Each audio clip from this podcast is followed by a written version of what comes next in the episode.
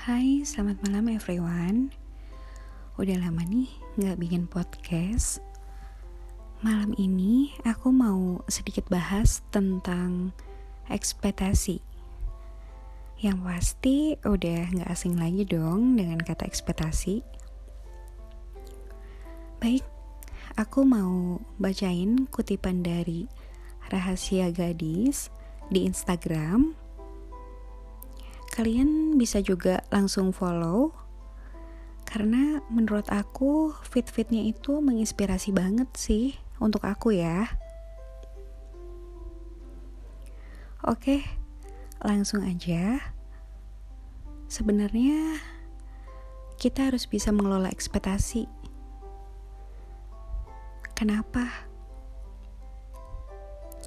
Agar kita gak kecewa berlebihan. Jadi ada beberapa poin dari postingan rahasia gadis tentang kita nggak usah berharap hal-hal ini dari orang lain. Langsung aja, yang pertama, berharap orang lain akan selalu memenuhi keinginan kita. Rasanya tiap orang punya standar masing-masing, serta prioritas yang berbeda. Kamu akan sering kecewa jika kamu berharap orang lain harus bisa memenuhi standarmu. Lanjut, yang kedua, berharap orang lain bisa membaca pikiran kamu. Tanpa sadar, kita sering berharap orang lain peka. Lalu kita sedih ketika mereka gak ngertiin kita. Gini loh, orang lain gak bisa baca pikiran kamu. Jadi jangan harap mereka tahu sendiri.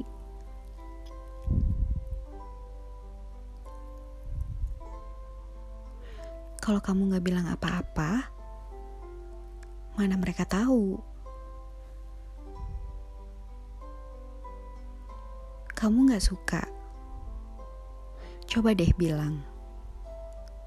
Kecewa Jangan terus dipendam. Ingin tahu? Coba deh tanya. Tapi ingat, carilah waktu yang tepat dan cara yang baik.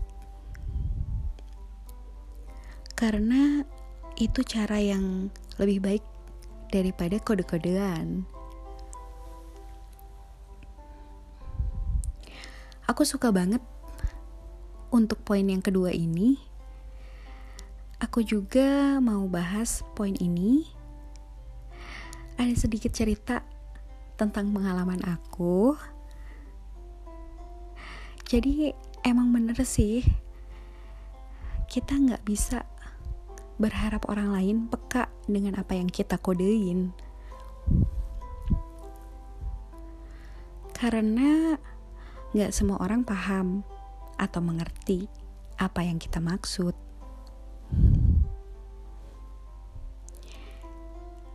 Jadi nggak ada salahnya juga kalau kita coba tanya langsung. Apalagi aku itu tipe orang yang sulit mengungkapkan atau mengatakan perasaan ke orang.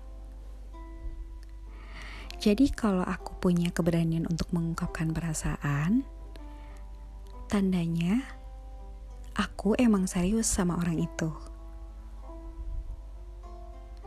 Dan aku juga coba untuk mengumpulkan keberanian untuk tanya langsung. Gimana perasaan orang itu ke aku?